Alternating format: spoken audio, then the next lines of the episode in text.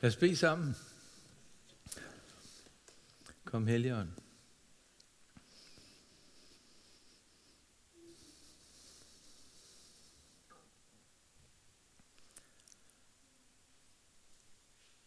Kom og hjælp os til at åbne hjerterne for dig.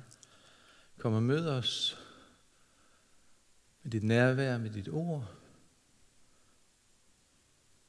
Hjælp os til at Giv vores hjertes respons til dig. Amen.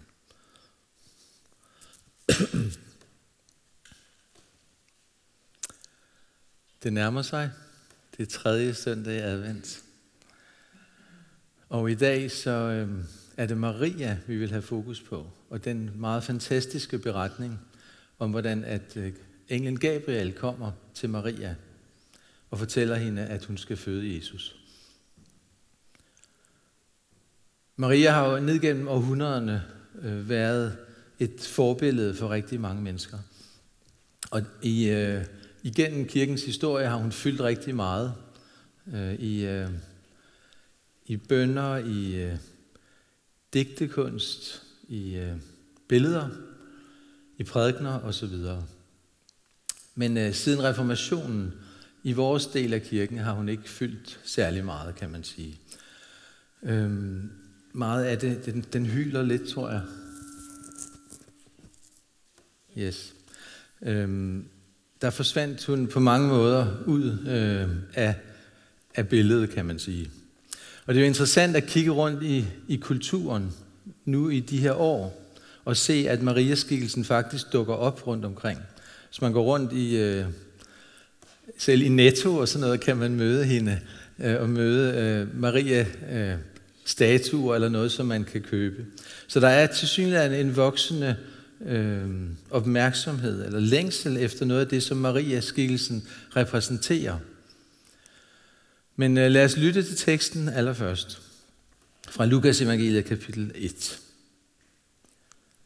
Da Elisabeth var i 6. måned, blev englen Gabriel sendt fra Gud til en by i Galilea, der hedder Nazareth. Til en jomfru, der var forlovet med en mand, der hed Josef, og var i Davids hus. Jomfruens navn var Maria. Og englen kom ind til hende og hilste hende med ordene, Herren er med dig, du benåede. Hun blev forfærdet over de ord, og spurgte sig selv, hvad denne hilsen skulle betyde. Da sagde englen til hende, frygt ikke, Maria, for du har fundet noget for Gud. Se, du skal blive med barn og føde en søn, og du skal give ham navnet Jesus. Han skal blive stor og kaldes den højeste søn, og Gud Herren skal give ham hans far Davids trone. Han skal være konge over Jakobs hus til evig tid, og der skal ikke være ende på hans rige. Maria sagde til englen, hvordan skal det gå til? Jeg har jo aldrig været sammen med en mand. Englen svarede hende, Helligånden skal komme over dig, og den højestes kraft skal overskygge dig. Derfor skal det barn, der bliver født, også kaldes helligt, Guds søn. Også din slægtning Elisabeth har undfanget en søn nu i sin alderdom. Hun, om hvem man siger, at hun er ufrugtbar, er i 6. måned. For intet er umuligt for Gud. Der sagde Maria, se, jeg er Herrens tjener inde. Lad det ske mig efter dit ord. Så forlod englen hende.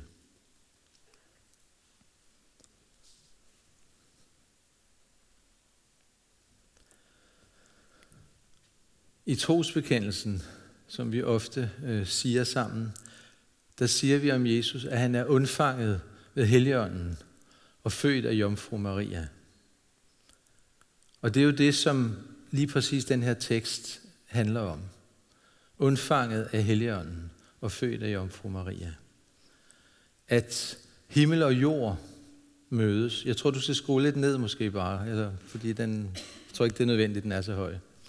Himmel og jord mødes i Marias skød og i det barn, som, som gennem hende kommer til verden. Jesus samler menneskeligt og guddommeligt i sin person. Han er både Guds søn og sandt menneske, Og derfor kan han fagne os, hele menneskeheden, og løfte os op til Gud. I Jesus kommer Gud os helt nær. Vi skal ikke løfte os op til Gud, men Gud bliver et menneske. Går ind i vores verden, går ind i vores kultur, taler vores sprog, går ind i vores synsfelt, der vores opmærksomhed er, ind under vores livsvilkår og lever sammen med os. Han bliver et menneske, ligesom os. Og Gud gør sig uendelig sårbar. Et lille foster i Marias skød. Det er jo en, hvad skal vi sige, en, det er ikke det, som det naturlige religiøse instinkt ville forvente. Det er ikke det, som den, det rationelle menneske egentlig synes giver nogen som helst mening. At den, der har skabt alle ting, den, som fylder alting med liv, aflægger sin guddomsmagt og kommer til os i ydmyghed og bliver et menneske. Så Gud kommer ikke i magt og styrke som en vældig hersker, men Gud kommer som et lille forsvarsløst barn. Og det siger os noget helt afgørende om Guds magt. At det er kærlighedens magt. At Gud inviterer os og vil elske os, drage os ind i sin favn. Og det betyder også, at Gud inviterer os til at give det sårbare plads i os selv, at stå ved det, og omkring os i verden. Han har en særlig forkærlighed for det sårbare, for det udsatte, for det, som ikke er noget, det, som ikke kan noget. Og han bliver selv uendelig sårbar, da han kommer til verden. Og gennem englen Gabriel, der kommer Gud så til Maria og inviterer hende til at åbne sig for Guds liv på en helt særlig måde. At lade Jesus blive født i hende og komme til verden igennem hende. Og Maria er altid blevet æret og set som et forbillede i den måde, hun responderer på Guds frieri til hende. Hun forstår ikke, hvordan det her skal finde sted, hvordan det skal gå til. Men hun overgiver sig i tillid og siger, se, jeg er Herrens tjener inde. Lad det ske mig efter dit ord. Og måske er det noget af det her, der også gør, at Maria dukker op igen i vores verden. At hun er ligesom et modbillede til alle de stemmer, som vil fortælle os, at vi skal skabe vores eget liv. At vi skal tage kontrollen. Arbejde målbevidst på at realisere vores planer og vores livsprojekt. At vi skal ikke helst have nogle svinkeærner på vej gennem studiet, fordi vi har et mål, vi skal nå. Vi har en karriere, der skal udfolde sig. Og hvor målstokken for, om vores liv lykkes, let bliver det produkt, der kommer ud af det, om vi kommer i mål med vores projekt. At du er det, du præsterer, det du lykkes med. Og Marias liv formede sig i hvert fald på ingen måde som en virkeliggørelse af en karriere. Hendes liv formede sig ikke som en eller anden viljefast udlevelse af hendes personlige vision og hendes mål, dem hun havde sat for sig. Hendes liv blev fuldstændig anderledes end det, hun havde tænkt. Fordi hun overgav sig og sit livsforløb til noget, der var større end hende selv. Jeg er Herrens tjener inde, lad det ske mig efter dit ord. Og det kan jo virke vildt provokerende med sådan en helhjertet og betingelsesløs overgivelse. Er det ikke i virkeligheden ansvarsløst? At på den måde give slip og bare overgive sig.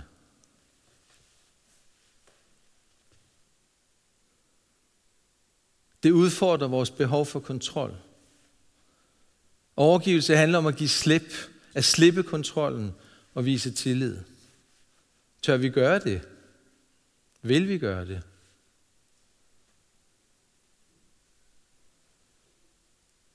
Vi kan forestille os, hvordan englene har stået med tilbageholdt åndedræt, mens Gabriel delte Guds plan med Maria. og inviterede hende til at sige ja til den.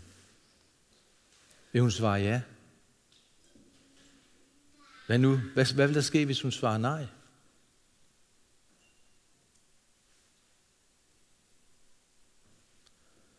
Men Maria sagde altså ja. Selv hun ikke forstod, hvordan det skulle gå til, så lod hun sig føre i en helt ny og uventet retning. Noget hun overhovedet aldrig i sin vildeste fantasi havde kunne forestille sig. Henry Nouwen, som forlod en meget berømmet akademisk karriere som øh, professor, for at blive en del af et bofællesskab med mentalt handicappede. Han skriver sådan her.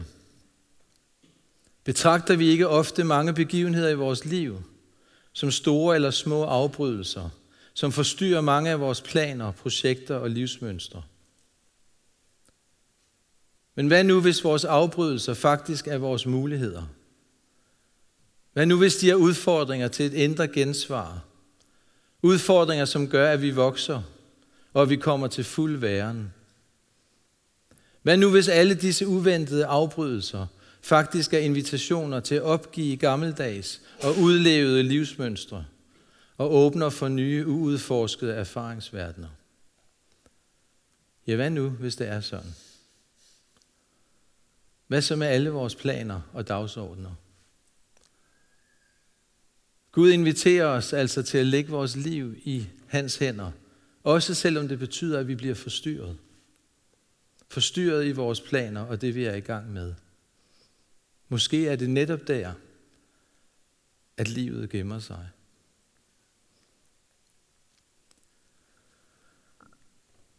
Og det var jo ikke, fordi det var en let vej, at Maria sagde ja til. Tværtimod. I hendes vej som mor til Jesus gemmer der sig både en dyb, dyb glæde og en meget dyb smerte og mange vanskeligheder. Hun så jo sin søn blive en, der gjorde fantastiske ting for mennesker. Hvordan han åbnede livet for mennesker, hvor det havde lukket sig ned. Hvordan han inviterede mennesker ind i fællesskabet, som ikke ellers blev regnet for noget, eller var med i fællesskabet. Hvordan er blinde så og lamme gik omkring ham. Og meget, meget mere. Men der var også mange andre ting, der fulgte med. Allerførst meldte sig jo i hendes overvejelse, om hun skulle sige ja til det her kald. Det er, at hun vidste, at det at være gravid uden for ægteskab, sandsynligvis ville betyde, at hun blev udstødt øh, i samfundet dengang. Og der gik ikke lang tid efter Jesus var født, før de måtte flygte til Ægypten, fordi at magthaverne stræbte Jesus efter livet. Og til sidst måtte hun opleve det, er hendes egen søn blev hængt op på korset og døde en forfærdelig død der, mens hun så på. Men selvom hun måske intuitivt fornemmede, at det her også ville blive meget smertefuldt, så overgav hun sig altså til Guds vej i tillid.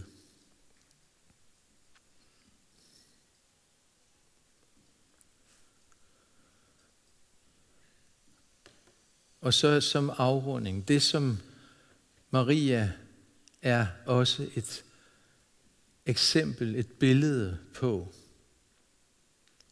er det, som Gud ønsker at gøre i os alle. At Jesus må fødes i os og komme til verden igennem os. Og når vi overgiver os til ham, så føder Helligånden et nyt liv i os. Så begynder han at vokse i os. Han bor ved troen i vores hjerter og fylder os mere og mere. Det kan ikke forklares. Vi ved ikke, hvordan det går til. Men det kan erfares. At du bliver en Kristusbærer.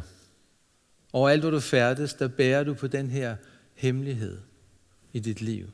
Kristus i dig. Han er altid hos dig. Helt, helt nær ved dit hjerte. Som en sjæleven, som en livsledsager. Hans nærvær fylder dig og forvandler dig indefra og ud. Er nogen i Kristus, er hun en ny skabning. Det gamle er forbi. Noget nyt er blevet til. Det nye, som er blevet til, er hans liv i os. Hans liv igennem os.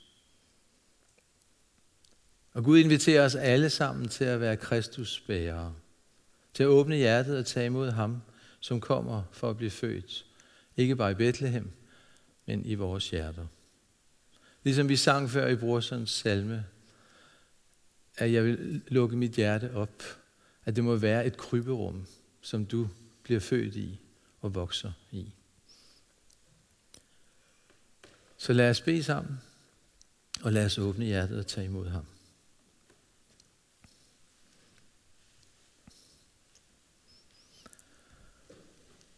Jesus, vi beder nu sammen med Maria, ligesom Maria bad. Lad det ske efter dit ord. Kom Jesus, Guds søn, himlens kærlighed, og bliv født i mig ved din ånd. Kom og lev dit liv i mig. Jeg overgiver mig til dig.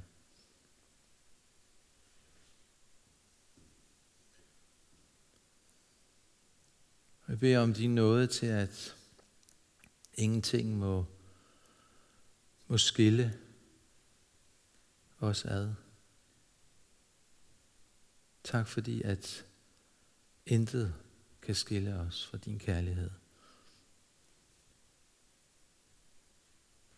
Bed om, at hverken smerte eller glæde eller noget som helst må stille sig i vejen. Vi overgiver os til dig. Lad det ske efter dit ord med os. Amen.